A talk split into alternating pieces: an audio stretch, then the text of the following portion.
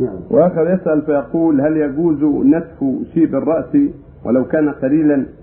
سمعتم هذا ورد في المحاضره لا ينبغي التراب مثل الشيء شيء لا ينتهي. نور المسلم وجاء في الحديث الآخر ان ما جاء شاب شاب شيبة كتب الله له بحسنة. ولا ينبغي نفس الشيء أقل احواله كراهه شديدة. فلا ينبغي نفس الشيء وان كان في اللحية صار أشد. فلا يجوز نفسه من اللحية ويكره نفسه من الرأس.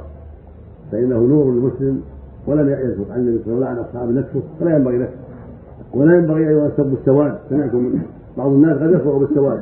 هذا لا يجوز. النبي صلى الله عليه وسلم قال غيروا هذا الشيء وجنبوا بالسواد فالسنة أن يغير بالحمرة أو بالحنة والكسل. أما دعوى بعض الناس أن قول وجنبوا السواد أنه مدرج هذا غلط ليس بمدرج. بل هو نفس كلام النبي عليه الصلاة والسلام. غيروا هذا الشيء وجنبوا السواد. رواه مسلم الصحيح. وجماعة الآخر من العلم. وفي السنن ومسند أحمد عن النبي صلى الله عليه وسلم. أنه قال يكون في آخر الزمان قوم يخرجون بالسواد كحواصل الحمام. لا يريحون رائحة الجنة نسأل الله. هذا وعيد شديد يدل على شدة التحريم.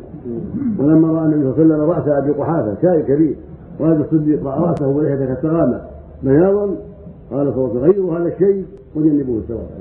نعم. لكن خلطه بالحن بالكتم حنة وكتم حنة واحدة لا بأس. نعم. أما سواد الخالق فلا يجوز. وإن فعله بعض الناس لا ينكر بعض الناس قد فعله بعض السلف. بل فعله بعض السلف. ويروى عن بعض الصحابة انه فعله. لكن يحمل ذلك على أنهم ما بلغهم النهي. من فعله من الصحابة ومن السلف من أهل العلم الأوائل هو محمول على أنهم ما بلغهم النهي. لو بلغهم النهي لبادروا إلى الصرف ولم يفعلوا. رضي الله عنهم وارضاهم والحاكم يجوز القاعدة والحاكم؟ لا ليس لاحد لا. ما في رخصه لا. نعم.